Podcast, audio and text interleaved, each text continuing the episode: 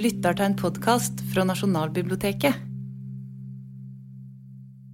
Ja. Eh, 50-tallet og 2020-tallet, det vi kom til.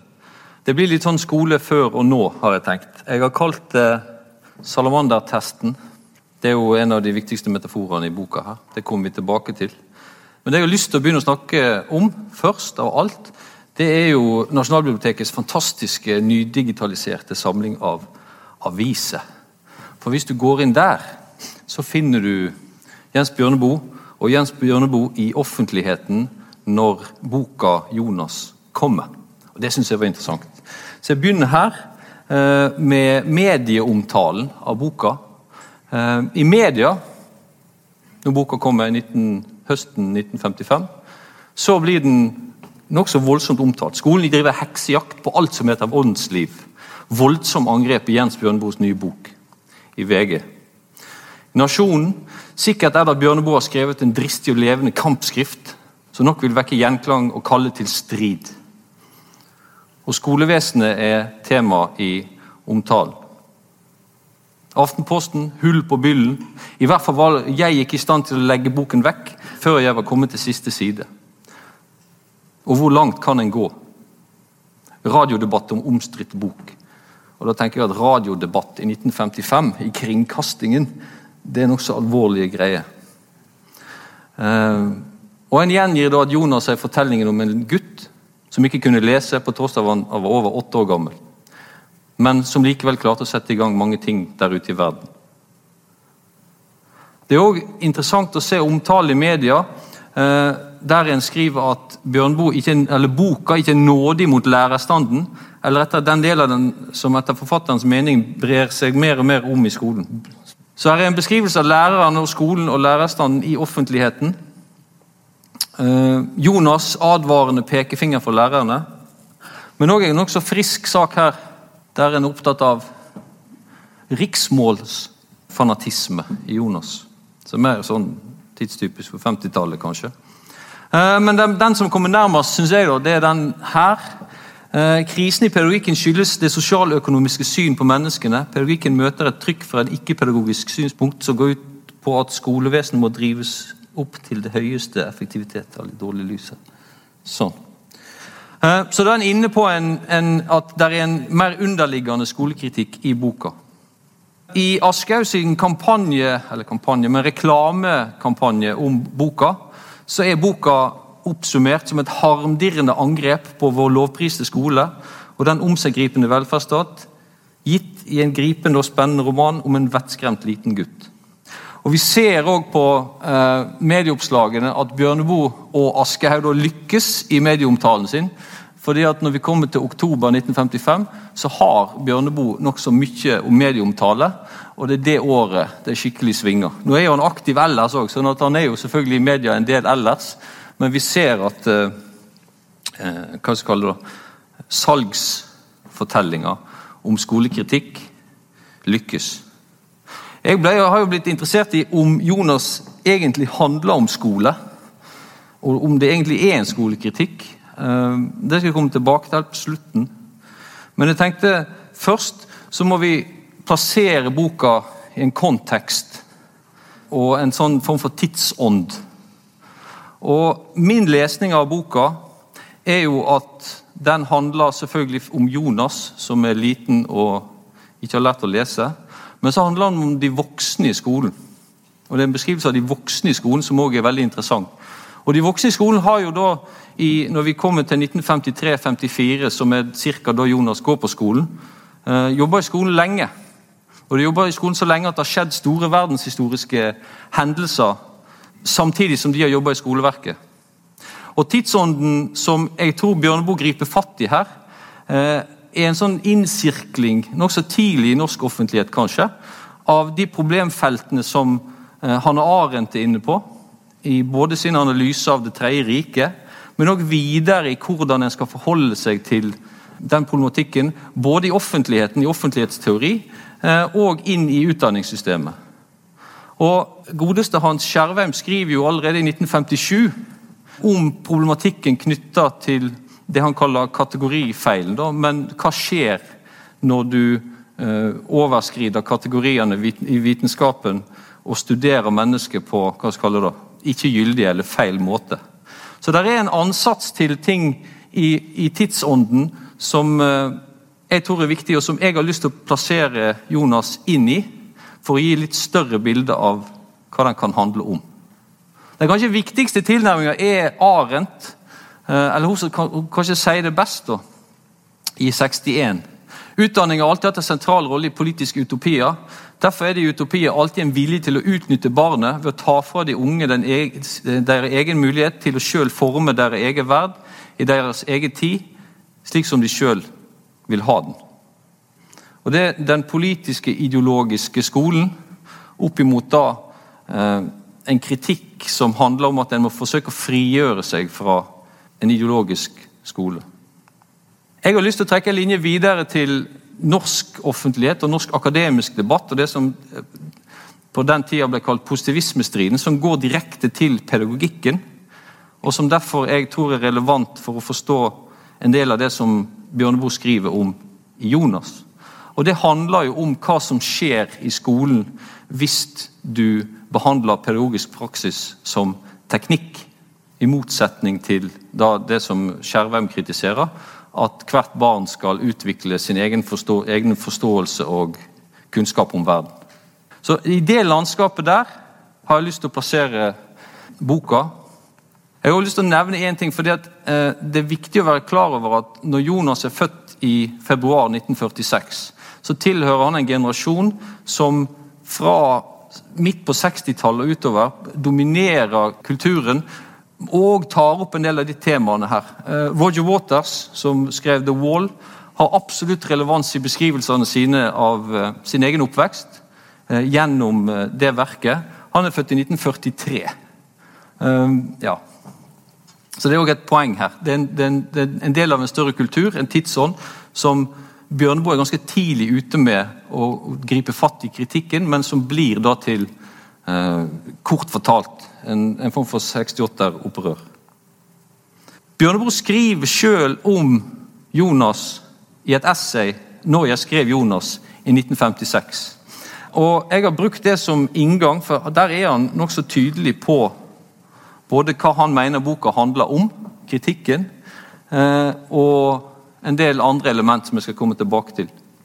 Så jeg har valgt å gjøre en, det jeg har kalt en skolepolitisk lesing av Jonas som da like så godt kunne hett Jonis i dag.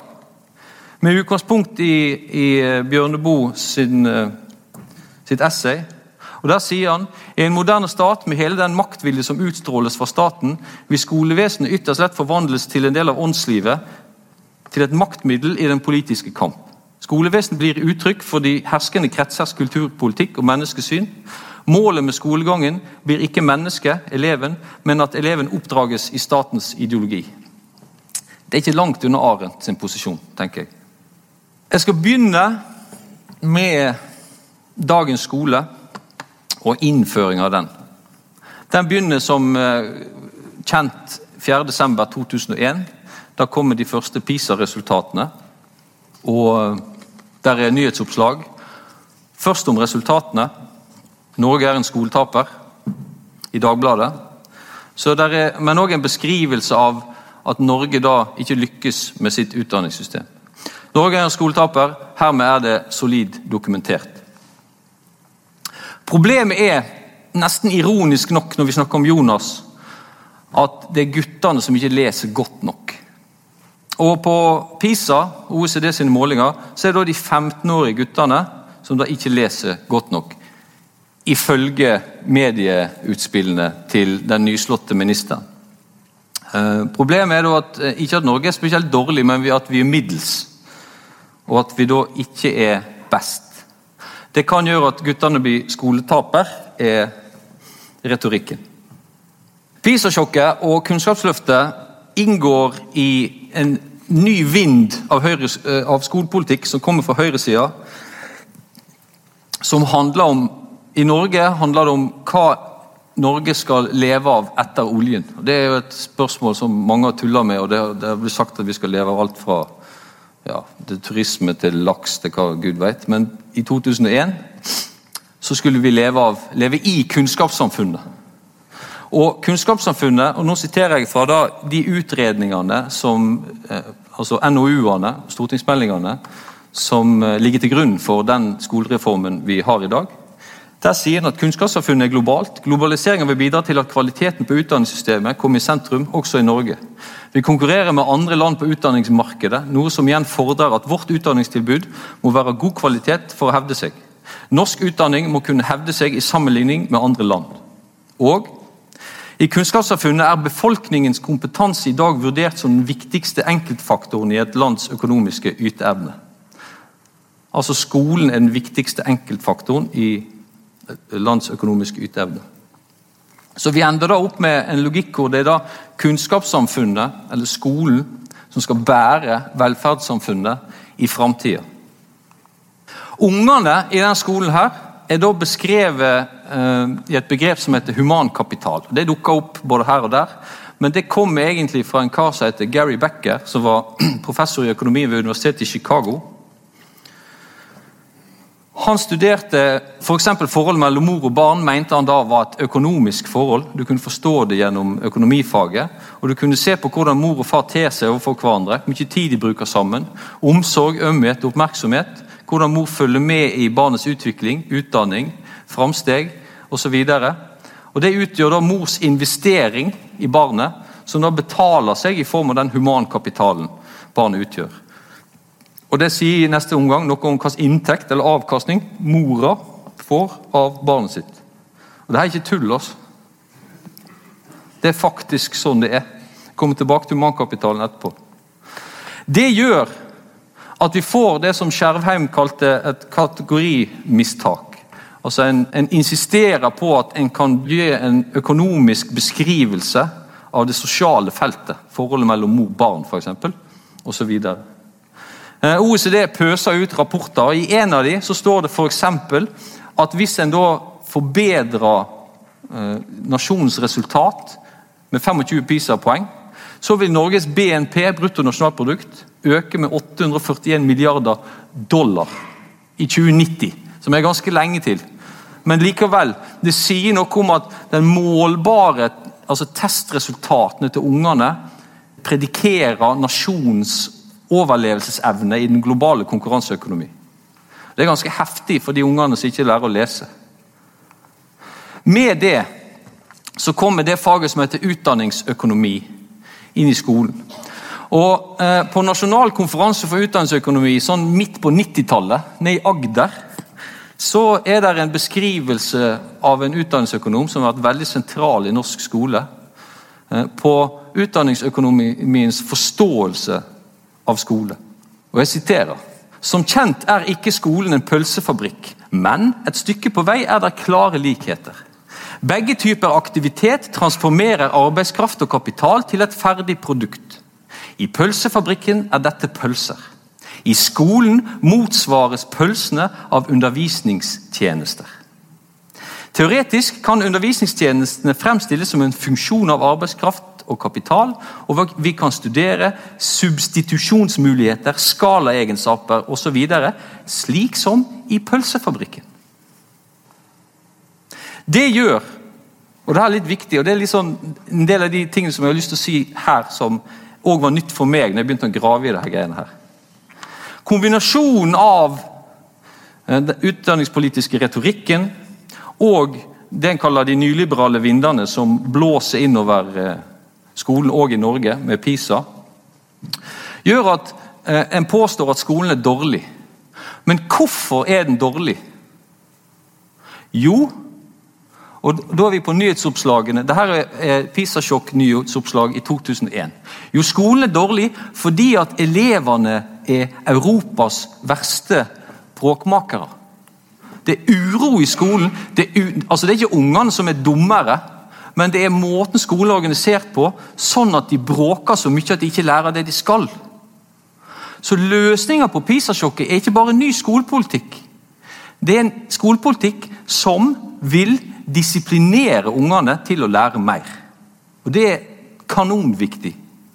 Og Som Bjørneboe skrev i Back Then Det er den moderne og frie oppsedinga som har skylda. Det kan ikke vi ha. Og Hvis du ser på aktørene i PISA-sjokket her, sin beskrivelse av hva det, hva det er som skjer med PISA og innføring av Kunnskapsløftet, så peker de spesifikt på den progressive pedagogikken, som en da har forstått som grunnleggende antikapitalistisk, som da skulle beskytte elevene mot harde og brutale krav fra det kapitalistiske system. Dvs. Si evaluering, konkurranse, sortering og hele prestasjonspresset. Det er det.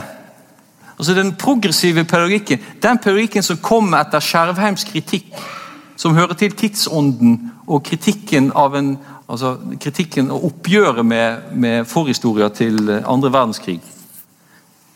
Og da skriver, det her er da statssekretær Helge Ole Bergesen, statssekretæren til Clemet, som innførte Kunnskapsløftet.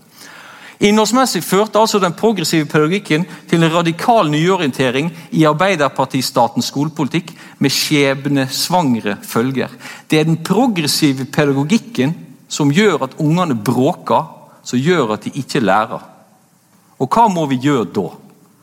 Jo, når det andre PISA-sjokket kom i 2004, så er alt klart. Hovedoppslaget til den sittende ministeren er altså disiplindugnad. Bråk skal bort. Norske elever er verdens mest urolige. Så Politikken handler ikke bare om å endre skolesystemet, men du må endre måten systemet underviser elevene på. For bråk gjør at de ikke lærer nok, er påstanden. Det gjør at i den første oppfølgingssaka i 2004 så er det to skoleeksperter som lanserer hva som må til for at Norge skal lykkes i den internasjonale konkurransen i OECD sitt PISA-system. Problemet, sier de, er at vi har hatt en naiv tro på frihet. Vi har en litt naiv tro på at eh, stor frihetsgrad for elevene vil føre til at elevene trives og oppfører seg bra.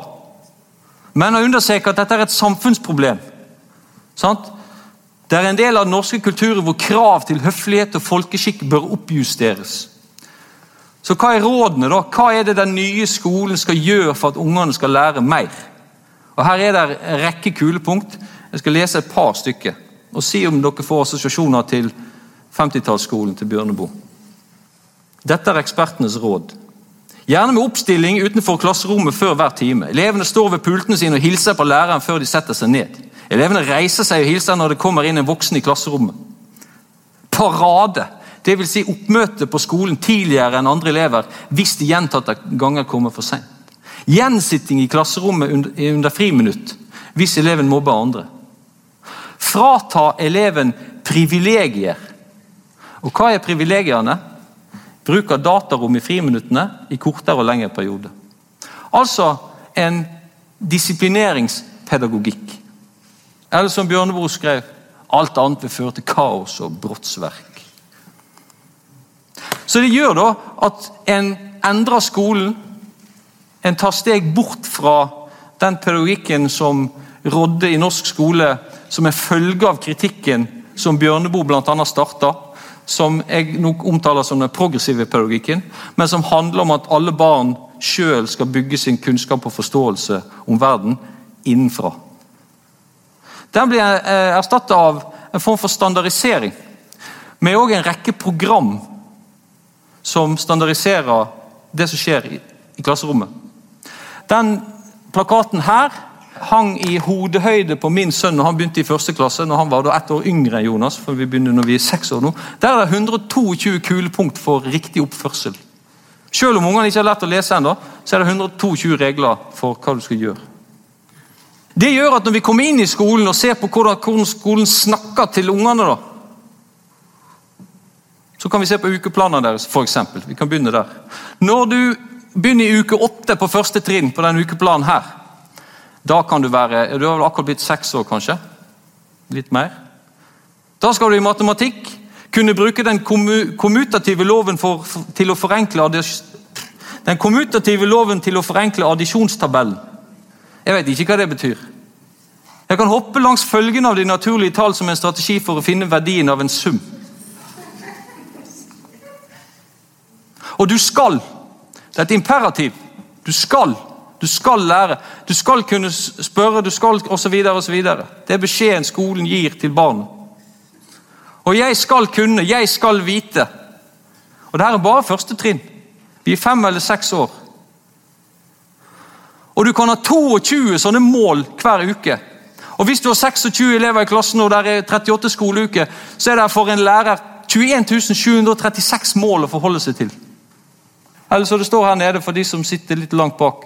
PALS er da et atferdsprogram som er brukt for å ordne opp i læringsmiljøet, eller det en kaller bråk i skolen. Det henter konstruktet sitt fra eh, amerikanske fengsel på 80-tallet. Eh, men her er da et PALS-mål når du er, går på første klasse. Jeg kler på meg raskt, stille og rolig. Det sosiale, altså bygginga av individet innenfra gjennom, gjennom, selvforståelse og kommunikasjon med verden, og bygginga av den indre moral, er òg læringsmålstyrt. Så empati er prosjektet her. Her er da måten en skal lære empati på i den sosiale kompetanseplanen. Da forventes kompetanse at jeg kan kjenne igjen glede, tristhet, sinne og redsel hos andre. Og Det er da kriteriet, eller det er bra nok hvis ungen kan se på kroppsspråk og ansikter når noen er lei seg, sinte osv. Dette er formalisert på alle trinn, og en har planer for det. Det er ikke sånn at Den generelle delen av læreplanen er noe en driver med rundt omkring.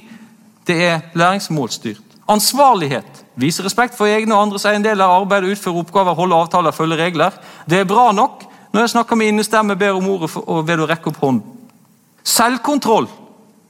Forventet kompetanse. Vise respekt for ulikheter. Jeg bruker ikke stygge ord om andre eller erter andre. Poenget med å vise fram det her, er at ungene lærer, altså måten de blir vurdert på og forstått, er å fremvise atferd. Det er vurdering utenfor. Det handler ikke om hva du lærer innenfra, men hvordan du kan fremvise det i korrekt atferd. Selvbevissthet, selvhevdelse, det er bra nok. Jeg hilser på læreren min. En kan ha 84 sosiale mål da, gjennom første til fjerde trinn på enkelte skoler. Og En har nokså strikte skjema for arbeid med godt læringsmiljø. Nå må jeg lene meg litt inn for å lese her, men Her har vi altså uvaner vi har snakket om i klassene. Her er en rekke punkt der det, elevene da, helt ned i første klasse skal krysse av for her har jeg ingen uvane. Eller her har jeg en uvane jeg trenger hjelp til å rette opp. Og Etter du har fått målene, så har en drevet med i norsk skole at en skal drive med egenevaluering. Du skal ikke oppgi sjøl om du har vært flink eller ikke til å, få, til å oppnå de målene som er da satt. F.eks. å være en god venn. Og Der er det jo lurt å være en god venn, så jeg har vært en god venn denne uka. Begrunnelse ternekast seks. Men skolens mål eh, Jeg har skolesaken i orden og er klar for læring hver dag. Men det er òg veldig såre utgave av det her. Sånn at mitt smarte mål, som dere er limt på pulten til barnet, som en ser på hele tida Jeg vil få med meg alle beskjeder innen 19.9., så jeg skal holde hendene i fanget for å nå målet mitt. Og Etter du da føler du har nådd målet eller ikke, så skal du evaluere deg sjøl, men òg det sosiale målet, som er å sitte stille på plassen, ren atferdshåndtering. Der har han da ikke gjort det så bra. Det skal en oppgi sjøl. I en rekke tilbakemeldinger som ungene skal forholde seg til. Jeg kan hjelpe til så at garderoben er ryddig og fin. Dette er jeg flink til, dette må jeg øve mer på, dette får jeg ikke til. Voksne sin vurdering. Og Der har jo vært en debatt i norsk skole de siste årene som toppa seg i vinter knytta til den type egenevaluering. Og Den pågår ennå, men det har vært veldig mye blest om det. Og en innser nå at små barn ikke har godt av den type egenevaluering. Og De som har reagert mest, er eh, Stein Førde og Trond Diseth, som sitter og behandler unger på Rikshospitalet. Jeg skal komme tilbake til det. De har hatt en økning av innleggelser med, av uh, små barn med stressrelaterte sykdommer på 400 Jeg har lyst til å nevne en annen ting Jonas. for Der er det òg en referanse til Oslo-prøvene, som er det fremstår som en IQ-test. Uh, og Det er fort å overføre det til dagens den kaller testregime. sånn. Men det er en liten historikk, jeg vil nevne en liten ting med det. det er at den type IQ-tester som en refererer til der, har òg en nokså mørk historikk eh, innover eh, på tidlig 1900-tall. Både knytta til eh, scientific racism og eugenetikk. Og Den er nokså brutal. Jeg har også lyst til å nevne en annen ting. Det er at Godeste Gary Becker, som vi så har begrepet som beskriver ungene i norsk skole, han er omtalt av Pierre Bourdieu med følgende The winner of the Nobel Prize in Economics developed the idea that Darwinism is the basic uh, of the aptitude for rational calculation which he ascribes to economic agents. Altså, Gary Becker mener at det å kunne tenke rasjonelt eh, er en, en, egenskap som, gjør, som, er arvelig, og som gjør at noen er flinkere enn andre. Og Bourdieu setter det inn i en sammenheng der en har klare røtter til sosialdarwinismen. Det, det trenger en å vite når en snakker om det feltet her. Men tilbake til det overordna testene. altså Det en kaller læringstrykk. En del av det som skal skje i norsk skole for å få opp resultatene, er at en skal ha et eksternt trykk for at alle skal yte bedre eller gjøre det bedre på testene. Eh, det læringstrykket er formalisert i det en kaller et nasjonalt kvalitetsvurderingssystem, der kommuner og skoler og så videre er ansvarliggjort for testresultatene. Og Det skaper en del press og stress inn i skolen. Ikke bare skal alt offentliggjøres hele tida, sånn at enten så blir du bedre og bedre og best, og det er en god tilstand, eller så må du få bistand fordi du ikke gjør det bra på testene. Så det driver og stresser eh, skolene hele tida. Men det lager også press helt inn på kjøkkenbordet til ungene. Her er fra Barn til borger, en dokumentar fra 2016. og Der handler det om lekser, da. men poenget her er ungens reaksjon. Jeg skal ta det litt fort. Du skal gjøre laks, eh, arket i leksepermen. Jeg må lese alt det. Jeg må lese alt det og alt det. Du må lese høyt, så hører jeg. Ellers hjelper det ikke. Da må du gjøre det om igjen, og da tar det lengre tid. Må jeg? Ja. Jeg husker ikke hvor jeg var. Begynn fra begynnelsen. Jeg husker ikke hvor jeg var. Begynn fra begynnelsen. Jeg husker ikke hvor jeg var. Det går han. Så er spørsmålet hva lærte han der? I dokumentaren eh, eh 'Hvem vinner?', en dokumentar av Oslo-skolen fra 2015, er unger i småskoleintervjuer. Hvis man får dårlige karakterer poeng for en prøve, så føler en at en ikke får det til. Og De andre i klassen jubler. Da føler en seg ganske ensom. Jeg gruer meg fordi andre tror jeg er dårlig, og at de ikke vil være venner med meg. Og Så er det juleavslutning. Da er vi tilbake igjen til Barn for borger. Juleavslutning, Da er skolen samla i gymsalen, og rektor holder tale. og Jeg skulle tro det handler om jul, men rektor har egne ønsker til jul. Jeg ønsker meg Ønske nummer én at alle jobber enda hardere i matte. Ønske nummer to at det blir mer ro i gangene og trappene. Ønske nummer tre at alle kommer tidsnok om morgenen. Tror dere at ønskene blir oppfylt? Altså, Tror du på julenissen? Ja! Topp! Jeg gleder meg. Så til og med julebudskapet har blitt til å gå stille i gangene. Og det her er ikke noe som jeg tryller fram, men det her er noe som forskere egnes om. Skålvik og Skålvik. Mestringsforventning. Elevene lærer at de ikke kan, elever tror de ikke får til. Påvirker motivasjon og lærelyst. Problemet er at skolen legger for stor vekt på resultat, ikke prosess. Det gir en negativ utvikling av mestring, forventninger, holdninger til skolen og skolefaglige prestasjoner. Og det såreste av alt, og det jævligste, syns jeg I en skoleklasse vil sosial sammenligning alltid fortelle noen elever at de er blant de beste, og det vil fortelle andre elever at de er blant de svakeste. Sosial sammenligning vil alltid bidra til en lavere faglig selvvurdering for noen elever, men også til at den faglige selvvurderingen blir truende for elevenes selvverd. Altså, De som ikke får det til, tror at de ikke er verdt noe. Og Det svekker selvfølgelig motivasjonen til ungene. Her er et par poeng til som vi må ha med når vi snakker om skole. her, før vi går videre. Det ene er tidlig innsats. Tidlig innsats er et honnørord som er brukt i skolen en masse nå, på hele det politiske spekteret. Det kom for fullt inn i 2006 der en stiller spørsmål om en skal ha tidlig innsats eller vente og se. Altså Skal du ta hensyn til barnets modenhet og la ungen vokse seg inn, altså å lære å krype før en kan lære å gå? Eller så skal du tvinge han til å gå før Han har lært seg å krype. Støtte litt på spissen, men Tidlig innsats handler om å intervenere tidlig. Tidlig innsats, tidlig intervenering i skolen. I stortingsmeldingen om tidlig innsats så er det altså sånn Nå husker vi Jonas som ikke lærte å lese. Her påstår han at god språkutvikling tidlig i skolen ender opp med at du har lærerik jobb, videre utdanning og god samfunnsdeltakelse. Men hvis du ikke lærer, lærer å lese tidsnok, hvis du har forsinket språkutvikling, som da ikke er bra, så er det faktisk sånn at du ender opp med utstøtning til trygd til slutt. Så en tror at om, altså, hastigheten ungene lærer å lese på når de er seks år, predikerer om de da blir en belastning for velferdssamfunnet ved at de går på trygd når de blir voksne. Og det her har han regna ut. Og han har funnet ut at det er smartest å bruke pengene på de små ungene, for det, det er billigst. Så hva gjør en da når ungene når de små ikke lærer seg fort nok det de skal? Jo, en intensiverer opplæringa. Men her er da en timeplan til 1A på en skole i Oslo. Der er det da ingen friminutt mellom 8.30 og 11.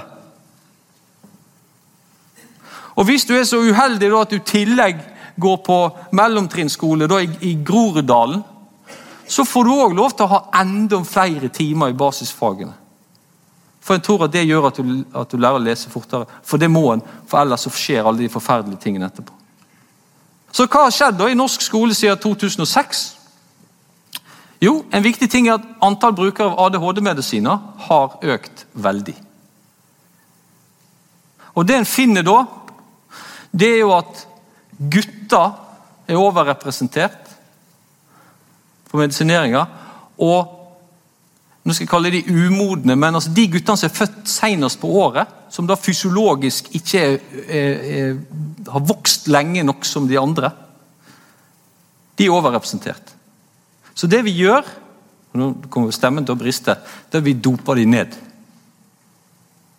Og Det vi doper de ned med, det er Ritalin med en farmakologisk virkning som ligner på kokain. Det er stygt. Så det vi har fått da, det er jo et rekke oppslag om at ungene sliter under prestasjonspresset i skolen som er innført etter PISA-sjokket og med Kunnskapsløftet. Testingen har ikke gjort elevene bedre, bare mer stressa. Og En er bekymra over press i skolen, og en knytter det direkte til den skolereformen. Og Det er pedagoger som sier, det er professorer på lærerutdanninga. Og det er òg eh, Her er da Per Brodal, som er nevrokirurg, eh, sånn hjerneforsker. Ungene må leke for å lære. Altså blir de syke. Men det kan ikke du gjøre hvis du skal sitte stille i klasserommet hele tida. For det heter toksisk stress. Altså Stressnivået blir så høyt i hjernen at du ikke er mottagelig for læring. Fordi at du er i en beredskapssituasjon hele tida, der du ikke klarer å lage oversikt over hverdagssituasjonen. Og, og du får en fysiologisk reaksjon der hjernen blir forgifta. Da lærer du òg mindre. Og Det er det som er kritikken fra Stein Førde og Trond Diseth, som da sitter og behandler de ungene her. Og De ungene nederst i barneskolen de klarer ikke å artikulere eh, og si hva som feiler dem, så derfor snakker kroppen deres. Og De ungene blir blinde eller blir lamme osv. For de klarer ikke å si at de ikke mestrer presset de er utsatt for. Det var ikke veldig oppløftende avslutning på skolepolitikkparallellesninga. Men det er skolepolitikken. Og der er det paralleller. Der er det paralleller på veldig mange nivå til det som Bjørneboe skriver om. Men så har jeg lyst til å ta en annen inngang over, for jeg har lyst til å gjøre en annen lesning i tillegg. Det er litteraturen. For jeg tror at Bjørneboe var vel så opptatt av den. Og Han sier det sjøl i det essayet som jeg snakket om tidligere at skolehandlingen i Jonas er en ren ytre rammehandling. Hendelsesforløpet kunne like godt vært lagt i en avis eller sykehus eller hva som helst. Så Poenget til Bjørneboe er ikke nødvendigvis å kritisere skolen spesifikt. Det handler om andre underliggende tema. Og Når jeg leser hva han har tenkt, så blir jeg veldig glad. For det, det, den andre sida av det universet som jeg har beskrevet i skolen. Bjørneboe sier sjøl at sentrum i boka er gjenfortelling av Gralsagaen, som dukker opp nokså seint ute i boka. Og den forutgående skildringen av gymnasiastene. For de av dere som har fulgt med i offentligheten, så har det vært en debatt om det, så det skal jeg ikke ta nå. Men poenget til Bjørneboe er å gjenta en mytologisk grunnfortelling som handler om at en må lære seg å føle andres smerte. En må lære seg empati for å forstå verden og livet i den. Og Det er et mytologisk motiv som han er opptatt av. Og Jeg liker at han bruker Gralsagaen, for Gralsagaen er foreninger av keltisk mytologi og kristen etikk og nestekjærlighetstanken. Der det blir laga egne fortellinger som kombinerer de to. Og Det viktige, syns jeg, og jeg håper Bjørneboe ville vært enig med meg, det er metaforikken. De grunnleggende forståelsen av metaforene i språket, og metaforene en bruker for å beskrive det indre liv.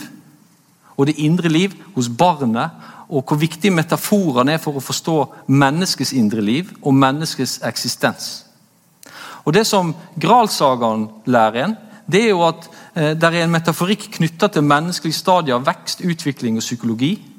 Og spesielt at myten eksemplifiserer kjærligheten som gir individet mulighet til å bli mer seg selv gjennom forståelse og kontakt med seg selv og andre. Så Det er òg et, et, helt annet motiv som har gått helt under radaren, i hvert fall for Aschehougs boklansering, som handler om eh, menneskelig vekst, som òg ligger her i Jonas. Og Poenget til Bjørneboe det er jo at eh, når boka først har blitt kalt Jonas, så er ikke det fordi at Jonas er hovedpersonen i boka. Men det er fordi han utgjør en figur og en, en, en metafor der han gjennom sin ordblindhet har en type skavank som gir han spesiell innsikt i verden. Som han da overfører til bildet 'Den rene dåre', som Parsifal er i Gralsagaen. Der han er utilgjengelig for vår fordervelse og selve det abstrakte menneskelige som lever i vår kultur. Og Det gjør han spesielt i kanskje de fineste passasjene i boka. men også, og nå tipper jeg for jeg har overhodet ikke lest alt av Bjørneboe, selv om jeg har hatt min, min del av det. De fineste drømmesekvensene som er tidlig i boka, der vi blir med inn i drømmene til gutten. Og Det er det som gjør, ifølge Bjørneboe, at han er spesiell. Fordi at det viser en, en uskyld og en tilnærming til livet der en òg er opptatt av det universet. Og Det liker jeg veldig godt. Og de er vakre. Jonas lå med ansiktet ned i puten og følte at kroppen og sengen svevet. Han var et bitte lite, kjempestort luftmenneske, en syvåring så stor som hele himmelen når den er mørk og har stjerner. Han var større enn byen og svevet over den. Han rakk fra den ene blå åsen til den andre, tvers overfor den, og enda langt utover fjorden. Jonas var ikke engstelig, for han var vant til denne reisen. Han følte seg varm og myk og lykkelig i hele kroppen. Han var fremdeles av luft. Han hadde bestandig sett den, så lenge han kunne huske tilbake. Men for at de skulle komme tilbake, måtte han passe på to ting. Han måtte ikke tenke på noe, og han måtte ikke sovne. Akkurat han, han øver på å gå inn i en drømmetilstand. Og Dette hadde han øvelse i. Han kunne bli så stille som vann inni seg uten å gli inn i søvn. Og når han hadde ligget slik en stund, kom det første bildet. Natten var en stor bror som hadde hentet han. Og Bjørneboe sier at det her er nøkkelpassasjene i boka. Og Det syns jeg er verdt litt oppmerksomhet. I de mytologiske fortellingene som ligger til grunn for vår kultur og andre kulturer, så er det òg fellestrekk. Og De er studert i, i, religionsvitenskapen, og en av de flinkeste der, som jeg liker veldig godt, er Joseph Campbell. Og Han sier noe om de fortellingene som handler om at eh, helten skal dra ut på en reise i et mytologisk landskap, i et magisk landskap. Og Måten en skal forstå det mytologiske og det magiske, er at det er metaforer og bilder på det menneskelige indre. Så dere vet det at når, når det er en drage i Hobbiten, så er ikke det en faktisk drage. Sant?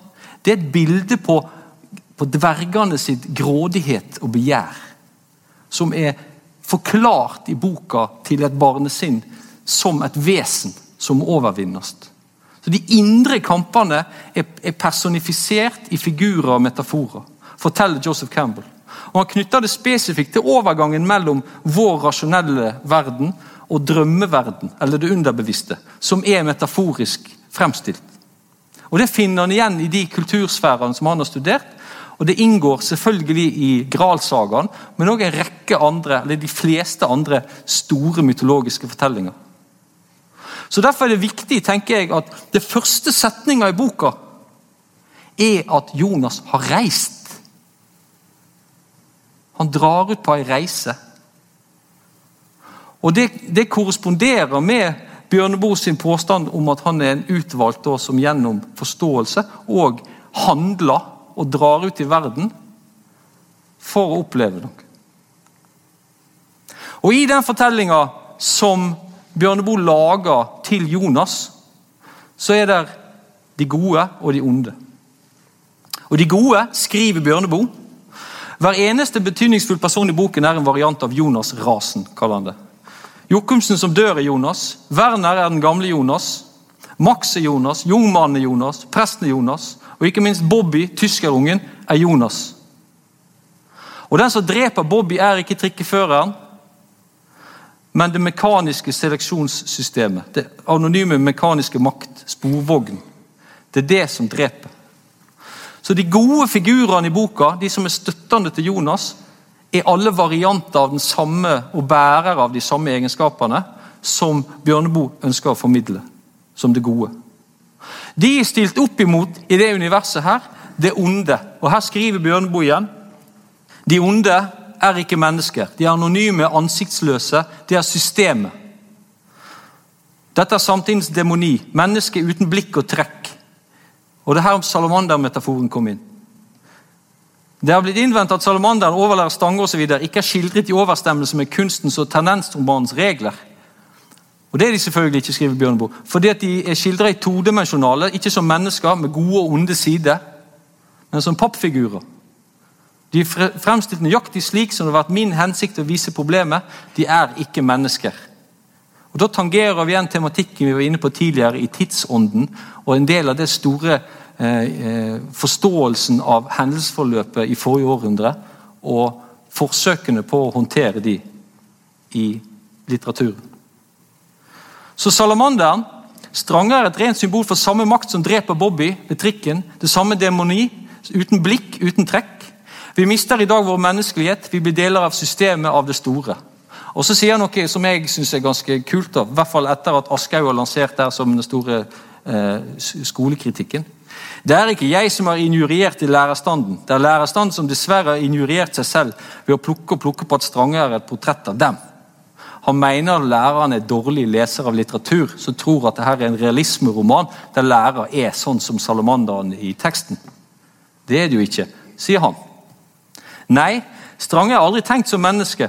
Han er noe langt mindre, samtidig noe langt sterkere enn et menneske. Han er inkorporasjonen av tidens onde ånd. Han er tidsdemonen salamanderen.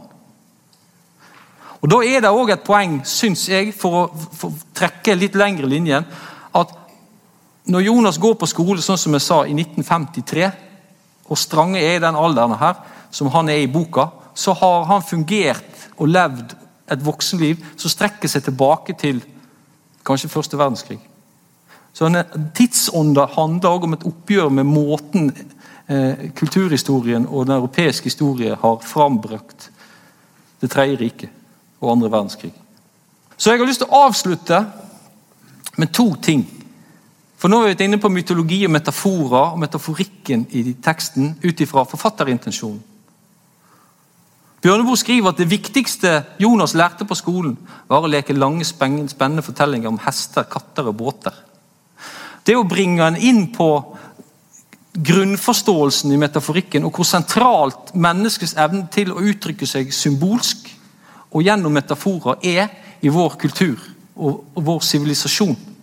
Her er vi tilbake til eh, grotten i Lascaux, som er 40 000 år gamle. Der det fins maleri gjengitt fra, som sjokkerte verden tidlig, noen år før Jonas kom ut. For en trodde ikke det var mulig at mennesker på den tida kunne uttrykke seg så rikt og så kunstnerisk, men òg gjennom symbol og metaforer. Som en sentral og viktig egenskap ved mennesket som art, er evnen til å tenke symbolsk. Og Det ligger også til grunn for metaforikken som Bjørneboe snakker om, og som tangerer en større og mer underliggende fortelling i det mytologiske, men òg en kritikk som samsvarer med den eksplisitte skolekritikken. Og Da vil jeg avslutte med eh, siste passasjen i boka. Den inneholder begge deler. Og Så drømte han en lang og vond drøm om frøken Bø overlevde Strange og den gule, gule hunden. De ville gjøre noe med hodet hans. Og Her slutter historien om en gutt som ikke kunne lese, på tross av at han var over åtte år gammel, men som allikevel klarte å sette i gang mange ting ute i verden. Og Kanskje det er den egentlige meninga med Jonas. Det Litteraturen er fri for tolkninger. Men det handler òg om en gutt som reiste ut i verden og satte i gang mange ting. Da trodde jeg ikke jeg skulle rekke gjennom, men det gjorde jeg. Ja, takk. Ja.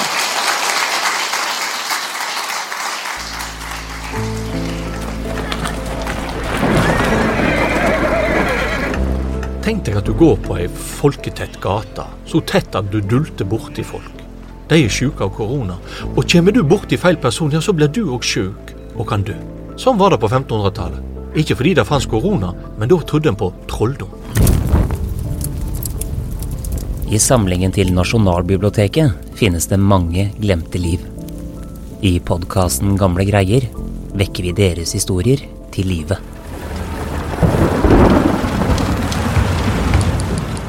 Dette er en historie om hvor langt mennesker kan gå i en nødsituasjon. Det er en eh, historie om en lang ventetid, om et veddemål og om et øsekar med blod. I sesong tre reiser vi tilbake til da frykten for hekser og trollmenn var ekte. Da en mann skulle gjøre Norge til en bilnasjon. Et dramatisk skipsforlis og mye mer. Følg med i podkastdrømmen din.